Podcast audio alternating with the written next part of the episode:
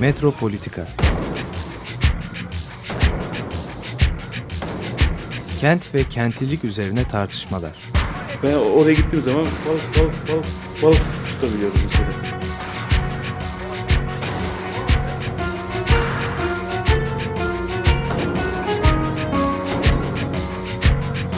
Hazırlayan ve sunanlar Aysim Türkmen ve Korhan Gümüş. takusu yok yani. Kolay kolay boşaltamadı. Yani elektrikçiler terk etmedi Perşembe Pazarı merkezini.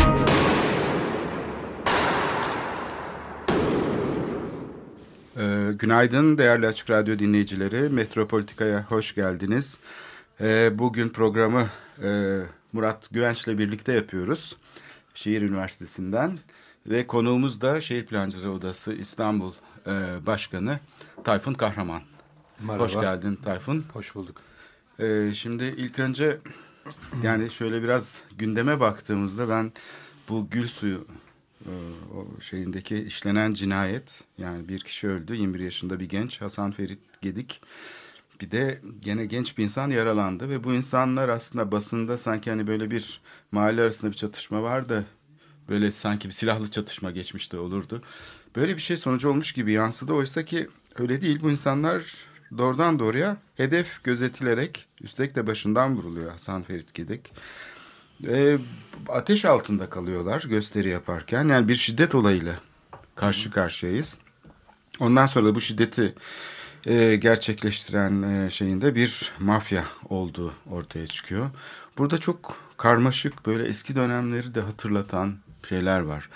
E, durumlar yani o işin böyle büyüme riski de çok fazla. Yani böyle olaylar oluyor İstanbul'un göbeğinde.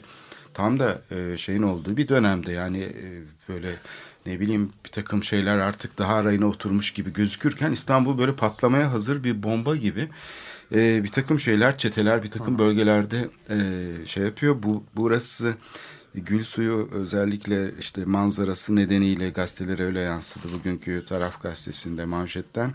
İşte bu manzara yüzünden e, de- değeri çok yüksek olan bir yer e, bir e, şey dönüşüm tıkanması gibi. Hani İstanbul'un birçok kentlerinde böyle dönüşümler oldu. Fakat böyle bir mafya e, şeyiyle oluyor birçok şey. Biz bu örgüyü görmüyoruz aslında. Bu mülkler nasıl el değiştiriyor kimler e, şey yapıyor?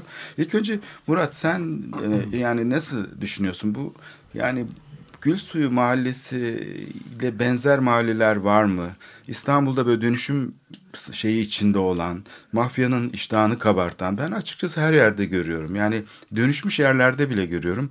Ne bileyim vapurda giderken bir takım insanların konuştuğunu duyuyorum. Böyle e, şey bir sert bir şeyle işte biz ona gösteririz biz buna bilmem ne yaparız. Yani mülk yüzünden insanlar böyle acayip bir şiddetle karşı karşıyalar eskiden beri. Yani mülkü olanlar hem şey şiddetle karşı karşıyalar, mülksüz olanlar böyle bir garip bir iş çevresi doğdu. Müteahhit mi, şey mi, e, bunlar e, arsa spekülatörü mü böyle garip e, karanlık insanlar geliyor mesela böyle adaya mesela vapurda görüyorum böyle sabah böyle bir takım karanlık insanlar geliyor.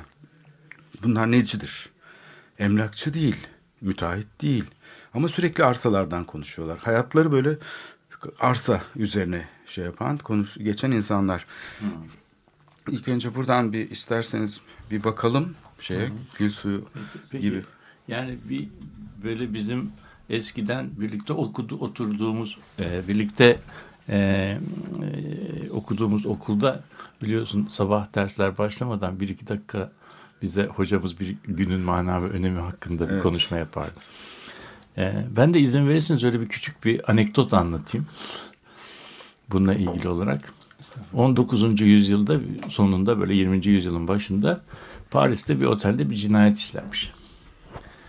Bir şey yani maktul yerde yatıyor. O zamanki şeyler gelmiş. İşte fotoğraf makinecileri biliyorsun o eski zamanlarda yeri tebeşir, tebeşirle çiziyorlar. Hangi pozisyonda yatıyor? Hangi pozisyonda yakıyor? Ondan sonra e, işte e, fotoğrafçılar fotoğraf çekiyor filan. Polisler odayı arıyorlar.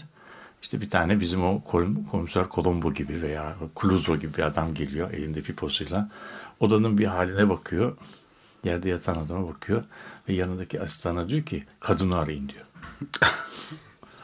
yani bu, bu, ben, bu soğuk bir espri ama yani bu senin anlattığın hikayede bu şehirdeki e, zenginliği, dinamizmi şeyi anlamak için aramamız gereken şey işte bu senin söylediğin olay. Bunları aramak lazım. Çünkü bu şehir bütün e, bütün e, benzeri şehirler gibi ki bunlara mesela e, birkaç kez referans verdik bir kez daha referans verelim.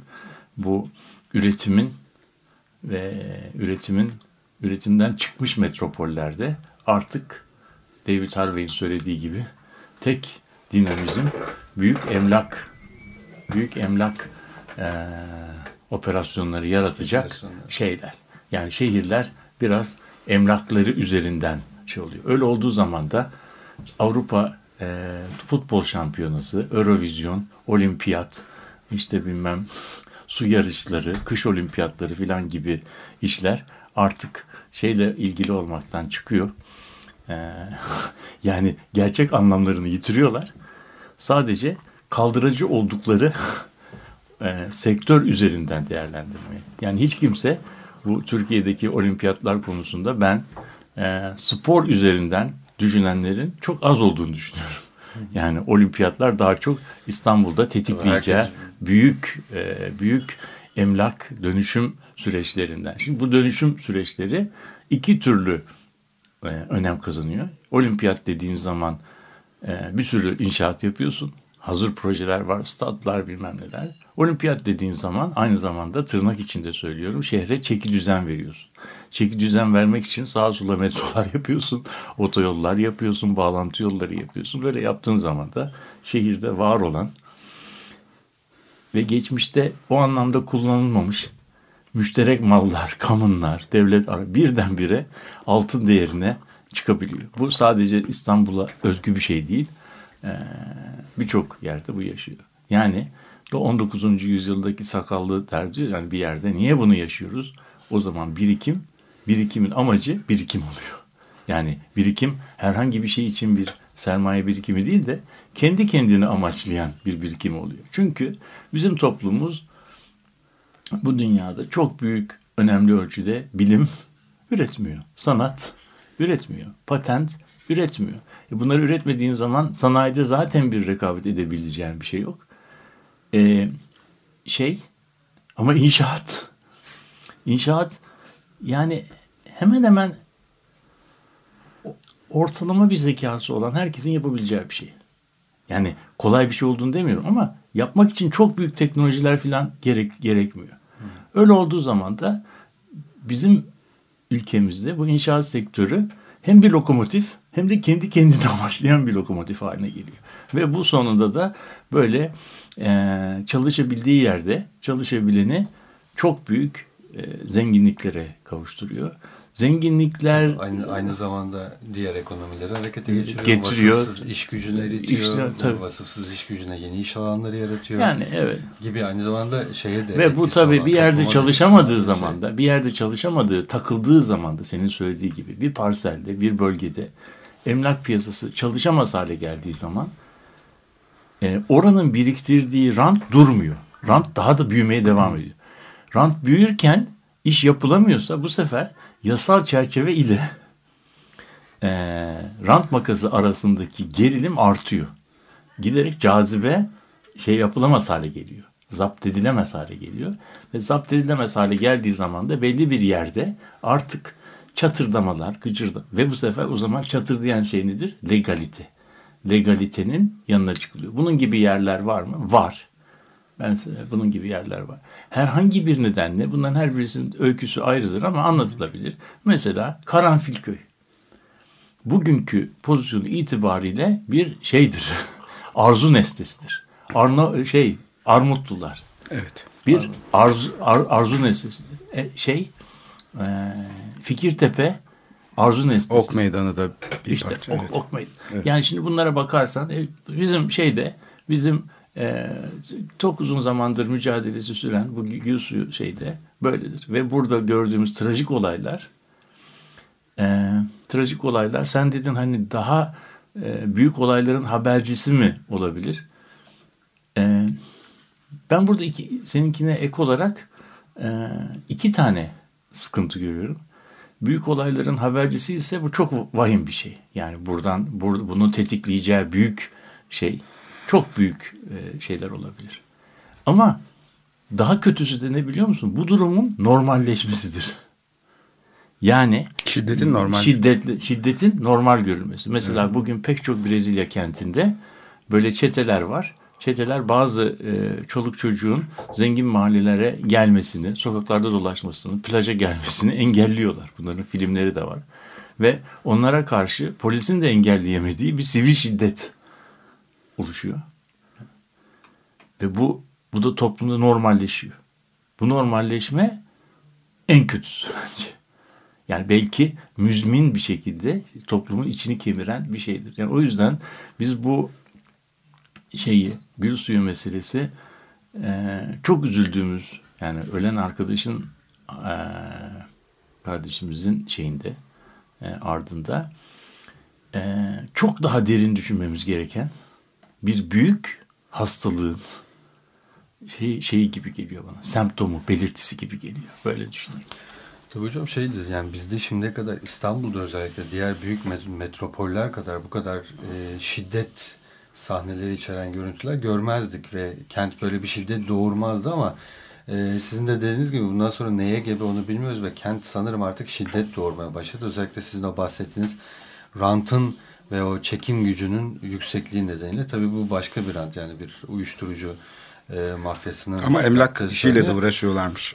Tabii yani, yani bir, basından okuduğumuz kadarıyla. Orada da e, legal bir e, rant var, öteki tarafta da illegal bir rant var. Yani e, bu rant her yerde, kentin her yerinde var. Özellikle böyle e, sosyal e, yapının e, şey göründüğü ama oturdukları toprağında çok değerli olduğu her alanda olduğu gibi burada da bunun olması şey gibi daha önce de oldu biliyorsunuz. Bundan 2-3 ay önce yine çok benzeri bir e, şey yaşandı. Orada e, bir e, ölüm olmamıştı ama bu, burada ne yazık ki bir e, canımız kayboldu. Bir can kaybettik. E, ve buradaki esas sonuçlara baktığınızda bir süre sonra ben ne yazık ki bizim de e, büyük şu anda Avrupa metropollerinin yaşadığı sorunları yaşamaya başlayacağımızı Fransa'nın e, şu anda şeylerle e, o sosyal konut bölgeleriyle yaşadığı problemin bizlerde de baş göstermeye başladı. Belki Or, e, Orta Amerika ve Güney Amerika kadar sıkıntılar ve büyük e, şeyler, ayrışmalar, sosyal ayrışmalar yaşanmasa dahi bir sosyal ayrışma noktasına geldiğimizi düşünüyorum. Çünkü kent giderek buna göre şekilleniyor ve kentteki gerilimler de her geçen gün bu örnekte de gösterildiği gibi e, artıyor. Bunun sonucu nereye gider gerçekten de inşallah e, bizde hep e, denir ya İslam kültürü buna bu şiddete engel olur diye.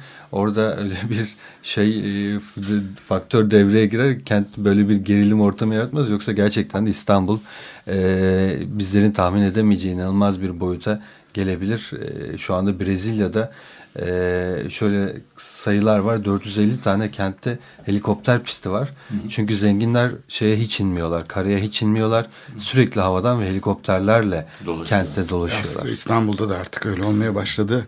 Yakın çevremizde arkadaşlarımızın helikopter aldığını duyuyoruz. Hı hı. Dün akşam da Cüneyt Özdemir'e tanık olduk. Helikopterle dolaştı şehri. Bir mimar arkadaşımızın ilk önce motosikletine bindiler ve gittiler helikoptere.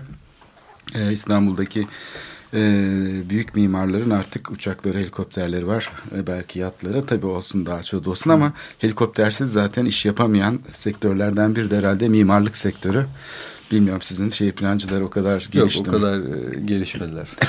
Mimarlarda böyle bir trend var. Yani şöyle Ağoğlu gibi yerden gitmiyorlar. Bentley'e binip falan. Havadan gidiyorlar. Ee, belki o da uçağına yüklüyordur arabalarını götürürken bir yere. Bu e, Güney Amerika'da o helikoptere gelmeden önce onun tarihinde önce şey vardı. E, zırhlı araba.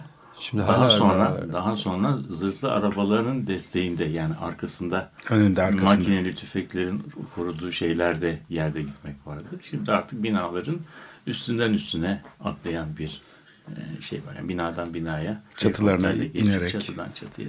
İşte böyle bir şey Şimdi burada e, yani güvenlik güçlerinin aslında e, olmadığı bir durum da var. Yani bu gösteri sırasında güvenliği sağlaması gereken şeyden eser yok. Ve aynı zamanda insanların kendi güvenliğini sağlamaya çalıştığını görüyoruz. E, şeyden sonra bu cinayetten sonra silahlı saldırıdan sonra da mahalledeki örgütler bayağı güvenliği sağlamak için kendileri nöbet tutuyorlar. Bu aslında bana bir şeyler hatırlatıyor. Mesela geçmişte bazı mahallelerde örgütler kendi güvenlik güçlerini oluşturmuşlardı. İşte sokmuyorlardı oraya bazı şeyleri e, yasaklıyorlardı bazı fonksiyonları bar falan gibi şeylerin açılmasını falan. Şimdi bu gidiş yani benim açımdan ben böyle bir risk görüyorum burada. Yani aslında kamu düzeninin tamamen yapı taşları parçalanmış vaziyette. Bunu geçmişte de yaşadık. Mesela 80'ler öncesi 1 Mayıs mahallesinde çatışma o zamanki arsa spekülatörleriyle hazine arazilerini satın alan şeylerle aslında işgal etmek isteyen vatandaş arasındaki çatışmaydı. Orada resmi güvenlik güçleri bu arsaları korumaya çalışıyordu. Şimdi öyle değil yani daha şeye doğru sivil topluma doğru giden bir e, çatışma ekseni var. Ve Cüneyt Özdemir dün e, gezdirirken hepimize CNN'de e, 5-1N e, neydi o program ismi? 5N1K evet. O programda işte bütün İstanbul'un böyle bir şey halinde boşluksuz her taraf yapılaşmayla dolu ama bu dönüşmeyi bekleyen alanlar sadece şeyler değil. Gece kondu bölgeleri değil. değil Aslında apartman alanları. Tabii. Ve e, onlara dönük bir iştah var. Yani zaten tabii. yasalar da bunun için hazırlandı. O iki tane yasa değil mi? 5366 sayılı yasa zaten. Mevcut yerleşim alanları dönüştürme. 6306. Son, evet. Son yasa Afet riski altındaki alanların evet. e, dönüşüm hakkında kanun. Bir de şey çıktı ortaya. E, üçüncü köprünün güzergahı üzerinde uçuş yasağı. Gayri resmi uçuş yasağı getirilmiş. Evet. Helikopter oraya gidemedi mesela fotoğrafların çekilmesi istem ve geçtiğimiz hafta Tempo dergisindeydi. Ee, bir kapak vardı gördünüz mü bilmiyorum. Gerçekten de havadan çekilen fotoğrafların ne kadar vahim olduğunu gösteriyordu. Hı hı. O anlamda e, hükümetin de böyle bir önlem alması gay gayet normal geliyor. Şimdi esas sıkıntıyı yaşamadık. Esas sıkıntı 3. köprünün imalatı sırasında kesilen ağaçlar değil. Üçüncü köprünün imalatı bittikten sonra ve oradaki yerleşme hocamın az önce bahsettiği gibi rant öyle bir noktaya gelir ki bir süre sonra kim gelirse gelsin hatta, hatta orada e, şeyde Yansen ile Atatürk arasında hocam hmm. E, daha iyi bir Faik Rıfkı Atay'ın e, şeylerinden, anlarından çıkan da bir not vardır. O da e, Yansen de Atatürk'e çok benzer bir şey söyler. Yani siz çok kudretlisiniz. E, bir devleti yeniden kurdunuz ama e, bu rant belasıyla e, nasıl başa çıkacaksınız demiş. Atatürk de. Tabii o anki şeyle ne demek biz başa çıkamayız bunda? demiş ama hemen arkasından e, inanılmaz bir e, şey e, rant baskısı ve meclisteki milletvekilleri Atatürk'ün arkadaşları falan bunları kovalar olmuşlar. Bu rantı kovalar olmuşlar gibi. E, ve ondan sonra Yansen'in e, bir sonraki ziyaretinde Yansen e, oturup ne yapıldığına bakıldığında şey demiş. Yani ben size söylemiştim ama olan olmuş bu planı çöpe atabilirsiniz demiş. Evet yani şimdi belki belki benim benim şeyim biraz daha e, biraz daha sanki e, olumlu gibi yani olum, umut var gibi bir şey. Örneklere baktığımız zaman örneklere baktığımız zaman sicilimiz bu tür e, kamusal alanları koruma konusundaki sicilimiz hiç parlak değil. Ama dünyada da biraz bu işleri becermiş yani yerlere refere ettiğimiz zaman e, bu onların bizim yaptığımız bazı şeylerin onlar tarafından yapılmadığını görüyoruz. Yani yapmamayı seçmişler. Yani mesela Buckingham Palace'ının sarayının bahçesine otel yaptırmamışlar. Hyde Park'ın içerisine e, otel izni vermemişler. Biz mesela bu konularda şeyi e, yani sicilimiz parlak değil. E, şey olarak Londra etrafında 1945 yılında çizilen e, yeşil kuşak denen şeyin içerisine imar verilmemesi konuşulmuş. Ve 45 yılından 2015 yılına kadar yani burada o kadar az delinmiş ki bu şey bu e, bugün e, Londra'nın etrafındaki etrafında bir bitişik büyümeden e, söz edilemiyor. Yani yeni yerleşmeler Londra'nın işte bilmem 45 e, mil ötesindeki yerlerde kurulmuşlar. Şimdi bunları e, yapabilmeyi becermek lazım. Beceremediğimiz zaman beceremediğimiz zaman iki türlü e, iki türlü problem olmuş oluyor. Bir tanesi müşterek alanları, kamu alanını kaybediyorsun. İkincisi de kaybettiğin alanın abidesini yapıyorsun. Yani kaybetme abidesi yapıyorsun. Yani bir çeşit har, harp, yitirilmiş harp anıtı gibi bir şey oluyor. Ben mesela ne zaman Boğaz'dan Hilton oteline baksam mimarisinin hoşluğunu teslim etmekle beraber bir İstanbullulardan çalınmış bir alan olarak görüyorum. Yani e, parkın içine parkın içine otel yapmak bir hırsızlıktır yani. E, şeye baktığımız zaman e, Dolmabahçe Sarayı'nın bahçesine otel yapmak da bir hırsızlıktır. Yıldız Sarayı'nın önündeki e, boşluğa şey Otel yap, yapmak. otel yapmak da bir çeşit hırsızlıktır. Bu hırsızlığın yasal çerçevesinin önceden hazırlanmış olması beni şey yapmıyor. Biliyorsun bir bir hukukilik var. Bir de kanunilik var. Yani e, Dolmabahçe Sarayı stadının arkasındaki o yüksek bina araştırırsak bugün son derece yani herhangi bir yasal şeyini bulamayız. Yani kılıfı hazırlanmış ama herhalde bunları yan yana getirip de koyduğumuz zaman bunu 100 sene sonra gezenler bunları birer abide olarak görecekler. Yani o zamanlar diyecekler. Bunlar çok değerliymişler Böyle ve şey yapılamamış. Yani bunun bunun e, nefislerine hakim olamamışlar. Bu dondurmanın tadı onları çok şey yenmiş. O yüzden de bunları buraya yapmışlar. Bunları işte yapmama yapmadığın zaman bir örnek yapmış oluyorsun. Yani örnek yaptığın zaman da herkes bilir o güzel parkın üzerine otel yapmayı. Çünkü Hilton Oteli'nin yapıldığı arsa belki şehirciler onu pek bilmezler. Yani e, e, İstanbul'da çok e, nadir bir arsa. Diyeceksin ki İstanbul'da ni- niye nadir bir arsa? Yani İstanbul'da arsa mı? İstanbul'da birçok arsaların e, ya manzara olan yerlerde manzaraların yönelimi güneye, yani doğuya veya batıya bakıyor. İstanbul'un lineer yapısı nedeniyle. Güneye bakan manzaralı arsa bulmak çok zor.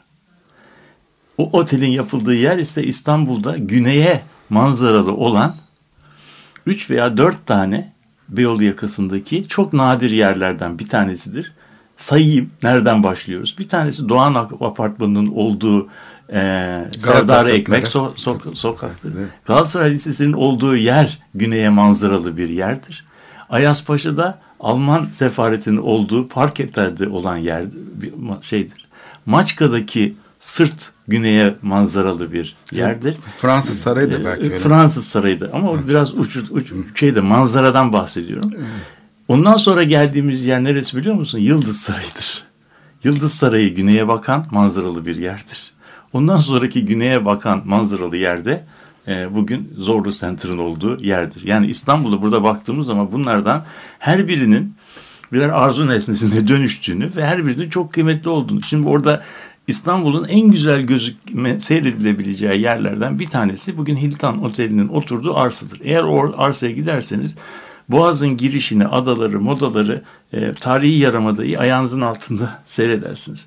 Ama o izni veren e, karar vericiler ne izni verdiklerini gayet iyi biliyorlardı. 1954 yılından beri o izne sadece Hilton Oteli'nde odalarda kalan insanlar şey yaptı. O zamandan beri İstanbul'da yaşayan herkes bu şeyden mahrum kaldı. Koran'la bizim uzun zamandır tartıştığımız bir örnek var. Bir tanesi de bu Salı Pazarı'ndaki limandır. Bu limanın 1969-70 yılında kapatılarak 2014 yılına kadar hiçbir işlev verilmeden kapısı kapalı olarak tutulması da bir çeşit kamu alanından alınmış bir şey.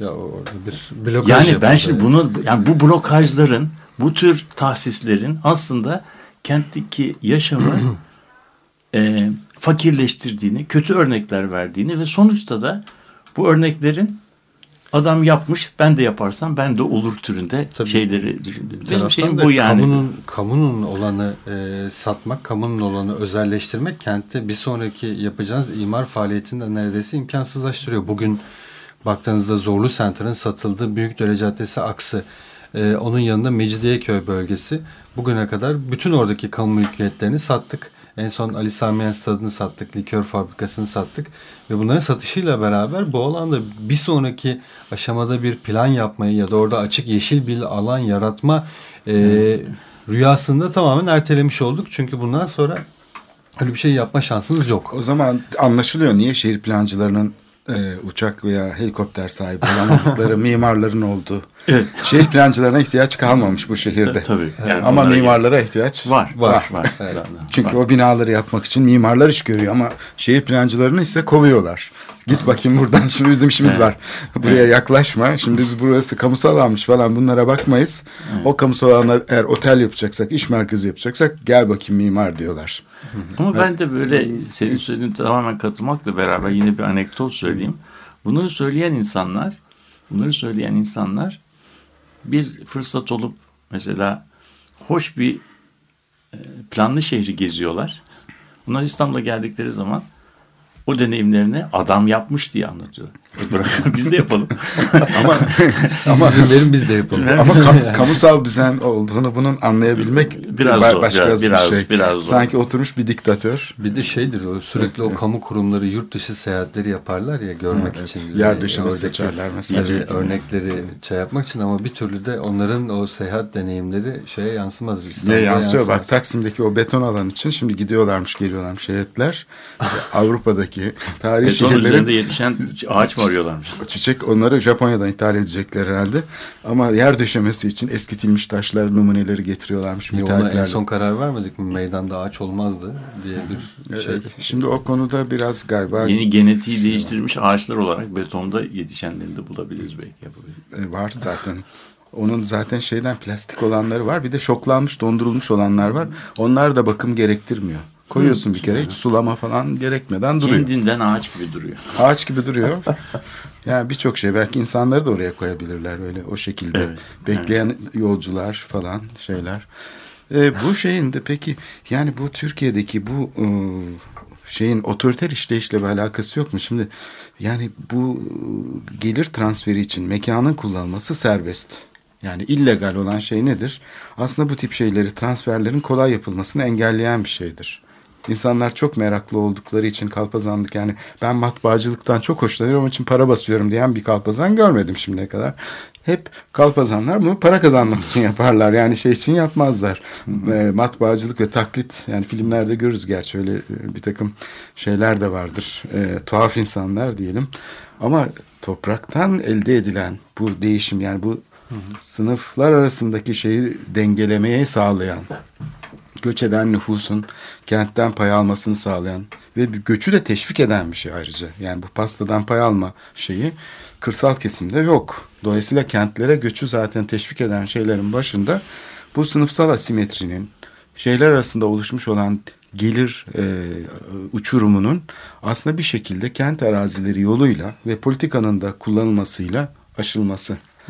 E, bu açıdan da aslında bunu masumlaştıran yani meşrulaştıran diyelim bu yağmayı bir politik işleyiş içinde değil miyiz? Yani bir Tabii milli var. rejim bunu getirmiyor mu zaten? Yani Şimdi, şimdi bunu konuşalım ama bir ara verelim istersen bu e, şeyde bir biraz müzik dinleyelim. Ne dinleyeceğiz? E, Strawberry Fields Forever'ın bir başka şeyini e, Ebedi Çilek Tarlaları isimli şarkıyı Arnavutköy'den mi?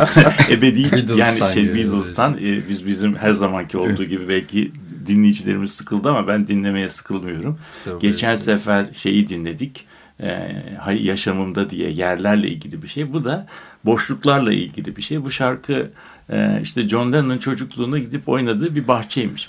Yanında bir e, Strawberry Fields diye bir şey varmış. Ma- e, yetimhane varmış. Onun bahçesinde oynarmış. Tabii şimdi oynayacak bir e, bahçede kalmadığı için o bahçenin kendinde bıraktığı izlenimleri anlatan 1960'larda bugüne kadar e, çok kült şarkılardan bir tanesi. Onun bir, bir şeyini dinleyeceğiz. Bu senin sorduğun soruyu da şarkıdan sonra tartışalım.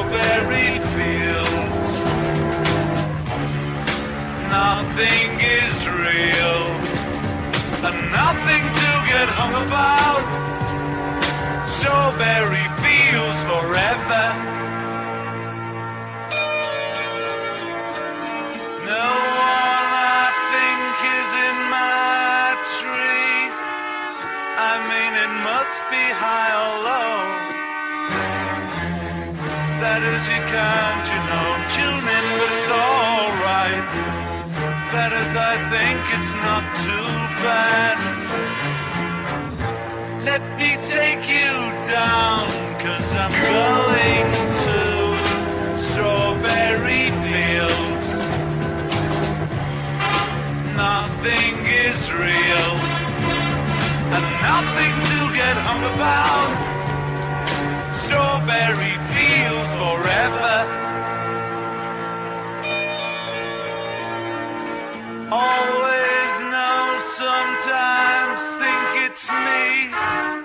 But you know I know when it's a dream. I think I know, I mean, uh, yes, but it's all wrong. That is, I think I disagree. Let me take you down, I'm going to strawberry fields. Nothing is real, nothing to get hung about. Strawberry fields forever. Strawberry fields forever. Strawberry fields forever.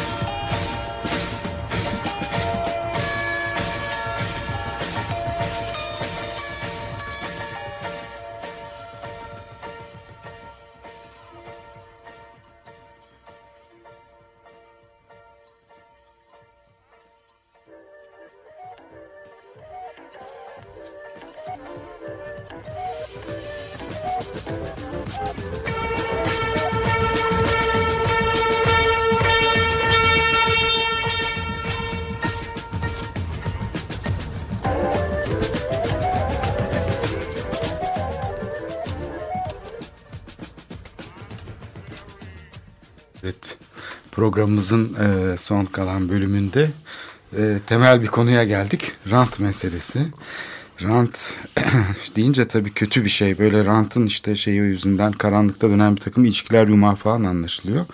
Ama bir taraftan da şey var tabii yani bu mekanla ilgili politik araçlar hep e, şeyde görünmez bir yerde kalıyor. Yani biraz mekanın politika dışına itilmiş olması. Asıl böyle sınıfsal eşitsizliklerin üretildiği, haksızlıkların üretildiği yer mekan. Üretim ilişkilerinin gerçekleştiği alan. Fakat bu nedense hep politik gözlükle politikanın dışındaymış gibi görülüyor. Yani kendi iç politikası. Yok esasında mekan hiç bu kadar politik olmamıştı bugüne kadar. Özellikle Ama politika ona Türkiye dışarıdan yapışan bir şeydi. Yani şu anda mekan dediğiniz şey tamamen politika üzerine kurgulu ve bir e, politik araç haline gelmiş Ha, durumda. araç işte. Ben de onu demek istiyorum. Yani Yani politikanın nesnesi olarak mekan. Yani buradaki toplulukların kendi düşünceleri, ihtiyaçları, dinamikleri, kentin şey tamamen merkeziyetçi bir politik şeyle kim gelirse gelsin iktidara mekanı aslında o politik şeyin aracı zaten politikadan anlaşılan da bu. Ama şimdi buraya politika karıştırmayın derken de anlaşılan şey yani o mekanı o alana ilişkin bir politika üretmek değil tamamen politikanın boyunduruğu altına sokmak. Yani Peki, peki ben bir şey yapayım mı? Size size bir mekana getir. biraz politika karıştırayım. ben bu yapmamız gereken işi yapayım ve 1900 sizlere 1945'lere 46'ların İngiltere'sine götüreyim. İngiltere'de mekana politika nasıl karışmış? Mekana politika karışmaması diye bir şey mümkün değil. Karışan politikanın özelliğine bakmak lazım, niteliğine. Şimdi 2. Dünya Savaşı biterken İngiltere devleti koskocaman kendisinden çok daha güçlü olan Almanya'yı yenmiş. Amerika'yı arkasına Amerika alıp alarak yenmiş. dayısını arkasına Dayısını almış. arkasına alarak yenmiş ama bir şekilde yenmiş. O ada 40 mil 40 mil karşısında 40 kilometre karşısında Alman orduları varken o ordular bir türlü Denizi geçip- geçememişler. Nasıl olduysa olmuş geçememiş. Bu geçemem ve o ada üzerinde 58 milyon kişinin yaşadığı ada işte şey yap kendisi yetecek kadar buğday yetiştirememesine rağmen dünyanın öbür tarafından buğday getirmiş. Hiç kimse İngiltere'de açlıktan ölmemiş. Bütün denizlerde şeyler varken, e, denizaltılar varken İngiltere bu bir şekilde kendi kendini yani halkını bu harbin şeyinde yaşatmayı başarmış. Dünyalar kadar insan ölmüş ama 58 milyon kişi de orada açlıktan ölmemiş. 5,5 senelik bir harp içinde. Bu İngiliz İngiltere'de kamu yönetimine bütün toplumsal sınıflar nezdinde inanılmaz bir prestij kazandırmış. Yani muhalefet ve işçi partisi, muhafazakarlar e, kamunun bir şeyleri becerebileceği konusunda bir ittifak yapmışlar. Ve bu ittifakın sonunda İngiltere'de pek çok şey değiştiği gibi imar konusunda da önemli bir değişiklik olmuş. İmar konusunda değişiklikleri konusu da e, imar planlama kanunu geçiyorlar. Ve bu kanunla beraber de bir rant kanunu getiriyorlar. Rant kanunu diyorlar ki arazi mülkiyeti ne kaldırmadan kapitalist sistemde rantı nasıl kontrol ederiz? Tamam mı? Kapitalist toplumun ruh, mülkiyet kurumunun kaldırmadan rantı nasıl kontrol ederiz? Ve buldukları siyasi şeylerin e, üzerinde uzlaştıkları çözüm çok basit. Arazinin getirisinin yani arazinin getirisinin vergilendirilmesi ilkesidir. Bunu sen kaça aldın? Şu kadar aldın. Kaça sattın? Şu kadar. Ne kadar bunun üzerine sen bu arazinin değerini arttırıcı şey yaptın? İstinat duvarı mı yaptın? hani kuyu mu açtın? Ağaçlık mı yaptın? Hiçbirisini yapmadıysan bin liraya aldığın arazi bir milyar liraya satıldıysa bunun ve senin burada hiçbir emeğin yoksa hiçbir değer katmadıysan bu aradaki fark bunun etrafında olup biten bir şeylerden geliyor olmalıdır diyor. Etrafında olmasa bile imar E, durumunu değiştirdim. Tamam ama imar durumunun değişebilmesi için de etrafında bir şey olması lazım. Marx zaten ben şimdi ben rantı ben ben şey der, emeğin gaspı der ya. Yani ben şimdi tamamen- çölün ortasında bir parsele 148 katlı bina izni versem onu onunla hiç kimse ilgilenmez ki. Tabii. İmar imarın e, olabilmesi için etrafında bir şey olması lazım. İşte bunu vergilendirmediğin zaman, bunu vergilendirmediğin zaman bu Anadolu'da söylenildiği gibi dadından yinmeyecek bir şeydir. E, gelir kaynağıdır. Hiçbir şey yapmıyorsun. Sadece kağıt üzerinde bir yeri tutuyorsun ve zamanı geldiği zaman bunu satıyorsun. Sattığın zaman senin buradan kazandığın paranın tamamı senin e, şeyin oluyor. Ama öyle olmuyor. Genellikle kamuyla özel kişi arasında bir anlaşma oluyor. Gizli bir anlaşma. Bak sen şurayı al biz sana oraya 100, Evet, evet. 140 metre imar izni veririz. Evet. tabii şimdi yani bu senin bu söylediğin Tayfun Tayfun Hı. Tayfun sana bunun şimdi İstanbul'da çok değişik varyantları var. Ama içinde bulunduğumuz ekonomik sistemde yasak olmayan her şey serbesttir. Onun için bu benim anlattığım modelin 100 tane varyantı olur. Haberli, habersiz, önceden atlama. Mesela bir şey vardır. Bir hani gene Anadolu'da bir şey. Minareden at beni, in aşağı tut beni diye bir şarkı var. Önceden git orayı al. Ben sana bir şey yapayım. Ondan sonra ben oraya imar izni vereyim. Şeyin aynı şekilde de e, meşhur bu Hosman'ın e- karısına ithaf edilen bir öykü var. E, o- bu meşhur Paris plancısı e, biliyorsun o böyle olağanüstü bir dönemde Sen olağanüstü, valisi. evet, olağanüstü işler. Karısı bir gün bir toplantıda demiş ki biraz galiba saf bir kadınmış. Ya nereden arazi aldıysak hep önünden yol geçti demiş. yani bu senin söylediğin. Şimdi biraz Tayfun'a dinleyelim. Yani e, aynı size o konuda katılıyorum. Bu bir gelişmiş ülke örneği. Yani gelişmiş ülke örneklerine baktığınızda gerçekten de rant değerini nasıl kontrol ettiklerini e, görebiliyorsunuz. Hollanda'dan bir örnek vereyim ben de. Hollanda'da şu anda konutların yüzde 48'i devlete ait. E, konutların yüzde 48'in devlete ait olması nasıl bir anlam içeriyor? Şöyle bir anlam içeriyor. Devlet oradaki tüm toprak üzerinde gerçekleştiren faaliyetlere hakim. En büyük spekülatör devlet ama bu spekülasyon ne adına yapıyor? Kamu adına yapıyor. Ve oradaki kira fiyatlarını, konut fiyatlarını mümkün olduğunca tabanda tutarak orada büyük bir spekülasyon oluşmasını engelliyor.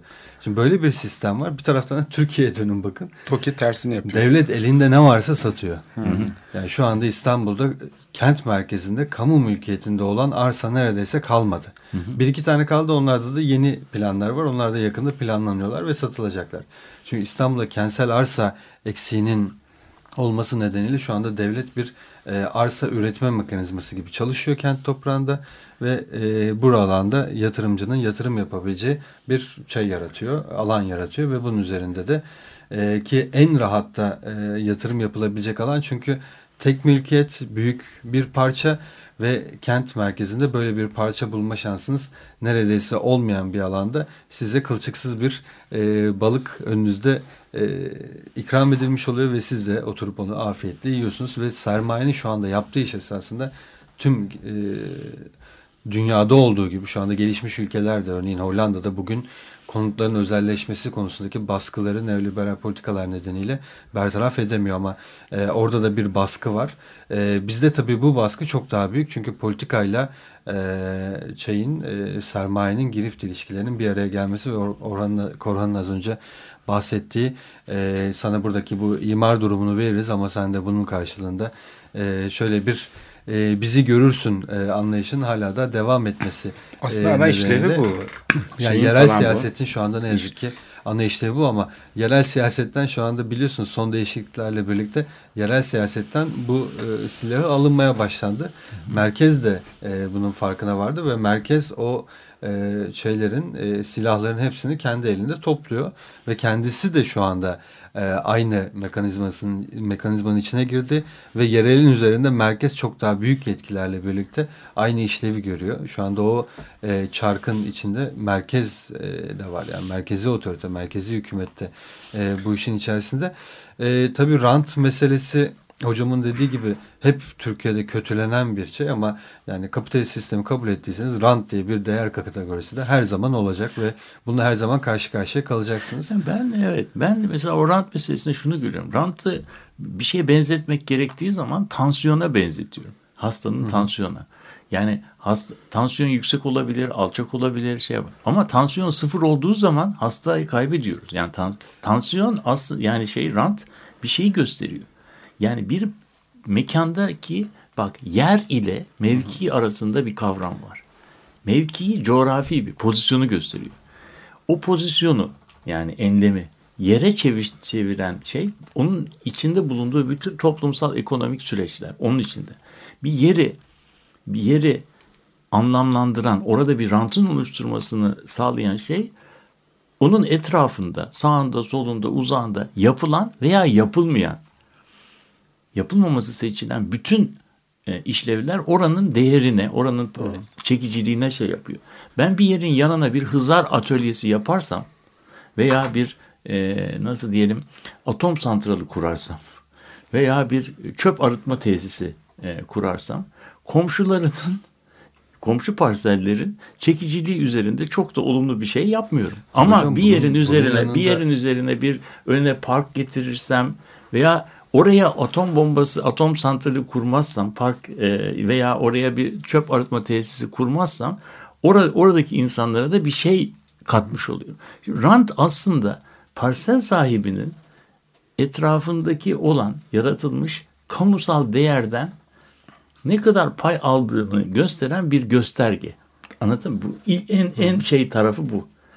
Arazideki gibi verimlilikle ölçmediğimiz zaman, kamu toprağında rantı ölçtüğümüz zaman, kırsal toprakta rant arazinin verimliliği, işte sulak olması filan. Buradaki şey başka bir hikaye. Bu gösterge toplum bu yarattığı değere toplum olarak şey çıkıyor mu? Sahip çıkıyor mu? Çıkmıyor mu? Ama Bütün hocam problem bizde, burada. Bizde bu mutlak sizin bahsettiğiniz bu mutlak rantın üzerine bir de verimlilik rantı da ekliyoruz. Bunu da nasıl yapıyoruz? Yani İmar kırsaldaki. E, arazideki verimliliği nasıl artırırsınız? Gübreyle bizde nasıl artırırsınız? İmar İmar, hakları- haklarını arttırarak. Ama burada tabii temel mesele kamu. Yani bu gezi olaylarında da ortaya çıkan şey aslında hani kamunun burada özel sektör gibi düşünüp ya orası boş mu kalacak öyle yeşil alan? Yani biz buraya bir AVM kondururuz, bir inşaat yaparız şeyine geldi bir parça. Yani Gezi'deki olayın arkasında bir de bu mantık var başbakan tarafından dile getirilen. Sadece buradaki otoriter işleyiş falan değil. E bu e, durumda yani kamunun bu müdahale edip e, mesela Ataköy'de işte birinci kısımdaki şeyleri falan bütün o şehir planının bir parçası olan Levent'te yeşil alanları satmaya kalkışması aslında bütün şehrin yeşil alanlarını de bir çalması. şey varmış buna benzer Evet, bir şimdi- parkın satılması E, var. bu, bu parklar satılıyor işte şeyler Şimdi yapılıyor. En, son- en sonunda E, şeyden kamu vazgeçildi mülkleri. biliyorsunuz. Tam e, bölge parkıydı esasında Zeytinburnu'nda Veli Efendi'nin üst tarafındaki Ha evet sırtlar. park yapıyoruz dediler. Bölge parkıydı. Haz- Halihazırdaki Evet. planlarda bölge parkıydı. Sonra e, çok az bir süre sonra Gezi'den, Gezi direnişinden bir ay önce e, emlak, Central Park oldu. emlak konut tarafından hocam imar planları değiştirildi ve konut bölgesine çevrildi. Evet, sonra Ama hemen arkasından e, Gezi direnişinde hemen arkasından burada bölge parkı yapıyoruz diye siyaset tekrar çıktı ve belki o ben- planları geri aldı. zemin sağlam değilmiş de ondan öyle olmuş. Yani böyle böyle e, şey e, absürt hikayelerde yaşadık bu süreç içerisinde. Sonra zaten İstanbul'un bölge parkı olan bir yer. Bölge parkı yapıyoruz diye e, pazarlandı ki e, inanılmaz bir tablo. E, güzel, güzel. Bence genci sonunda iyi bir şeye gelinmiş vaziyette. Yalnız burada şöyle bir sorun var. Şimdi kamunun piyasa odaklı düşünmesi, kendisini bir piyasa aktörü gibi görmesi bizim şeyde fiziksel mekanda okuduğumuz bir şey. Fiziksel mekanın e, yok olmasına e, neden oluyor. Fakat bu görünür kısmı. Ben asıl e, felç ettiği şeyin sosyal mekan olduğunu düşünüyorum. Yani asıl tehlike orada. Çünkü kamu o zaman yani toplumun kendi geleceği üzerinde söz sahibi olmasını engelliyor ve bu işi sadece bir ekonomist mantıkla algılanmasına e, dönüşüyor. Yani bugün hükümetin düştüğü durum bence bu. Yani İstanbul'u yönetirken mesela işte e, azınlıklar meselesinde bu 36 beyannamesinde yer alan bazı yapıları geri verdiler. Size 250 milyarlık yapıyı iade ettik dedi. O kadar bir şey yok. Ama herhalde daha ileride rant kazanacak. Bunlar apartmana dönüşecek, e, gökdelene dönüşecek diye herhalde hesapladı. Şimdi böyle açıklanması yani İstanbul'un, Berlin'in izlerinin silinmesi demek onların sadece parayla ölçülmesi. Aynı şey yani bütün e, sivil toplum için geçerli. Sadece azınlıklar için değil. Bütün kamusal varlık Evet. biçimini yok ediyor bu. Yani Evet. ortadan kaldırıyor. Tek düze bir e, insanların birbirleriyle ilişkisi olmayan bir takım şeyler yaratıyor. Yani bu kent o yüzden kent olmaktan çıkıyor. Çünkü sosyal ilişkileri sıfırlanıyor. Şimdi peki yani şehir düzenlilikler olduğu kadar kontrastlarıyla da anlam kazanan bir şey. Mesela New York'un göbeğinde bilmem kaç katlı binaların ortasında işte bilmem dört buçuk kilometre, altı kilometre uzunluğunda bir buçuk kilometre genişliğinde bir merkezi park var. Bu merkezi parkın içinde geziyorsun, bisiklete biniyorsun, uçurtma uçuruyorsun, şeyle uçuruyorsun. Şimdi o parkı bugün imara açsak, Muazzam bir şey. ha, imara açsak. Ya da Yani- altına otopark yapsak. Abi, abi, veya ya, otopark ya, veya otopark. Şu anda da şey- biz bütün yeşil alanların altında hocam. İşte bu Evet, şeydir evet. yani Evet. Yani bunu bunu yaptığın zaman bunu yaptığın bunu yapmak Birinci çok- görevin budur zaten. Yani. Türkiye'de siyasetçi olsan New York'a e, şey atansan belediye başkanı falan olsam, birinci bu- görevin bu- orayı bu- yeşil burası- alandan Şimdi çıkarmak. Bunun buradaki buranın yapılmamış olmasını şimdi senin sorunu şöyle. Evet. Burada bu- bu gezen bir çocuk annesine sormaz mı? Anne niye burada bu binalar var da burada yok? Çocuğun soracağı soru Sor, bu. Sor. ilk soru. Niye burayı yapmamışlar? Niye burası? Akıllarına gelmemiş evladım. Şimdi bu bence bu soru o kadar şey bir soru değil, boş bir soru değil. Bazı yerlerde, bazı yerlerde binanın yapılmamış olması bir kent görgüllüğüdür. Bir de değer kaybettirmez yani o kent. Bir de, bir de orada park olursa binaların değeri daha da artar. Ben şunu söylemek istiyorum ve burada ak- aktaramadığım, paylaşamadığım olay şu. Ortalıkta bir pasta olsa, pastanın, çikolata pastanın üzerinde de çok cazip bir çilek olsa. O çileği, pastayı yemeden çileğe hamle etmek en kolay iştir. Ama marifet pastanın üzerinde o çileği olabildiği kadar değil mi? Muhafaza etmek değil mi? İşte şehirdeki yeşil alanlarda pastanın üzerindeki çileğe benziyor. Senin söylediğin o çilekler orada durduğu anlamda iyi bir toplumun e, altyapısı hazırlanıyor. iyi örnekler şey yapılıyor. Bunları yediğimiz anlamda da o toplumsal bütün ilişkiler sistemini maalesef e, Evet. bozmuş oluyor. Ben bir şeyden küçük örnek vereyim. Küçük Yalı'da bir arkeolojik alan var. Anadolu yakasının en büyük arkeolojik alanı. Burası üzerine yani kısmen yapılaşmış, İş Bankası konutları gelmiş falan filan. Son dönemde iki parsel satıldı ve e, üzerine inşaat yapılmak üzereydi. Tam o sırada harekete geçildi işte sivil bir girişimle. Ve burası arkeolojik alan olarak korunmaya ve kullanılmaya aynı zamanda bir yönetim planı hazırlanarak orada Birinci çeşitli... derece arkeolojik site alanı. Evet, yani. Satiros Manastırı'nın olduğu yer. Eskiden Briyas Sarayı denen e, Bizans İmparatorluğu'nun yazlık sarayı zannedilen. Orada bir küçük arkeoloji müzesi gibi bir laboratuvar kuruldu ve bir şey açıldı, sergi alanı. Ve orası yönetilmeye başladı. Kimler destekledi? İşte Koç Üniversitesi'nden bir profesör bu işi liderlik yaptı. Burada konuk da yaptı, ettik. E, profesör Alessandra Ricci. E, o 15 ülkeden arkeologlar getirdi, gönüllü. Burada çalıştı, senelerdir çalıştı. Şimdi oradaki vatandaş bu arkeolojik alanın korunmasının kendi lehine olduğunu fark etti.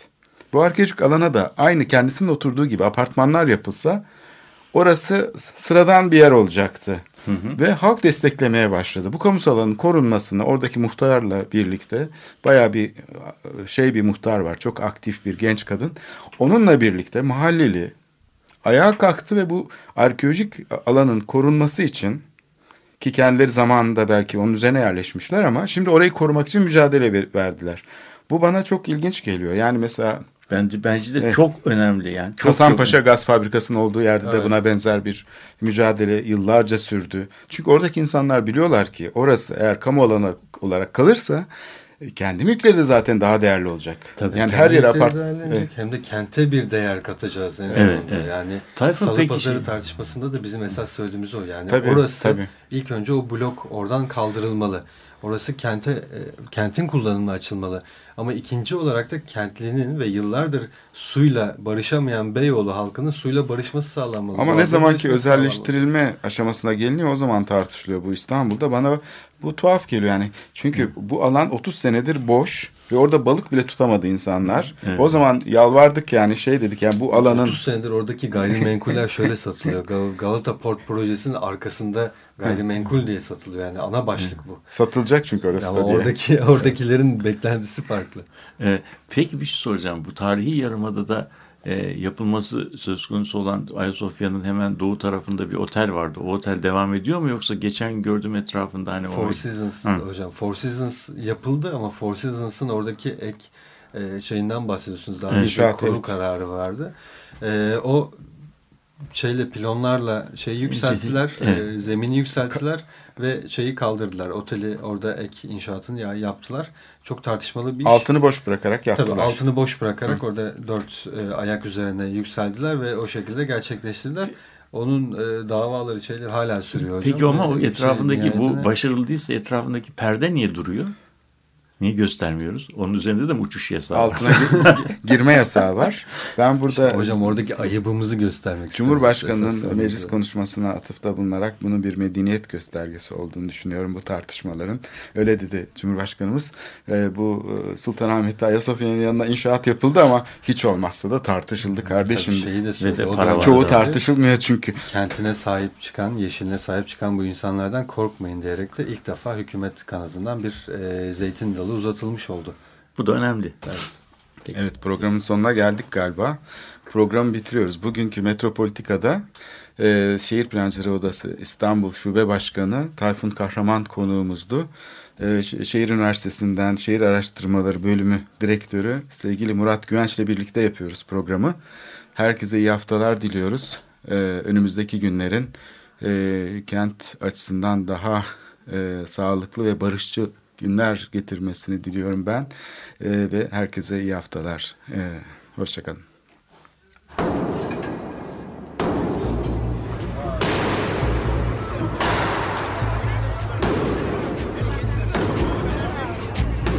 Metropolitika Kent ve kentlilik üzerine tartışmalar. Ben oraya gittiğim zaman balık balık balık balık tutabiliyordum mesela.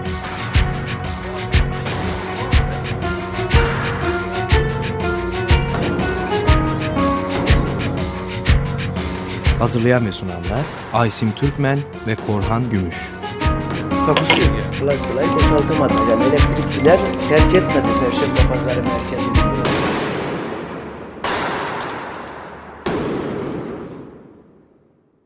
Açık Radyo program destekçisi olun. Bir veya daha fazla programa destek olmak için 212 alan koduyla 343 41 41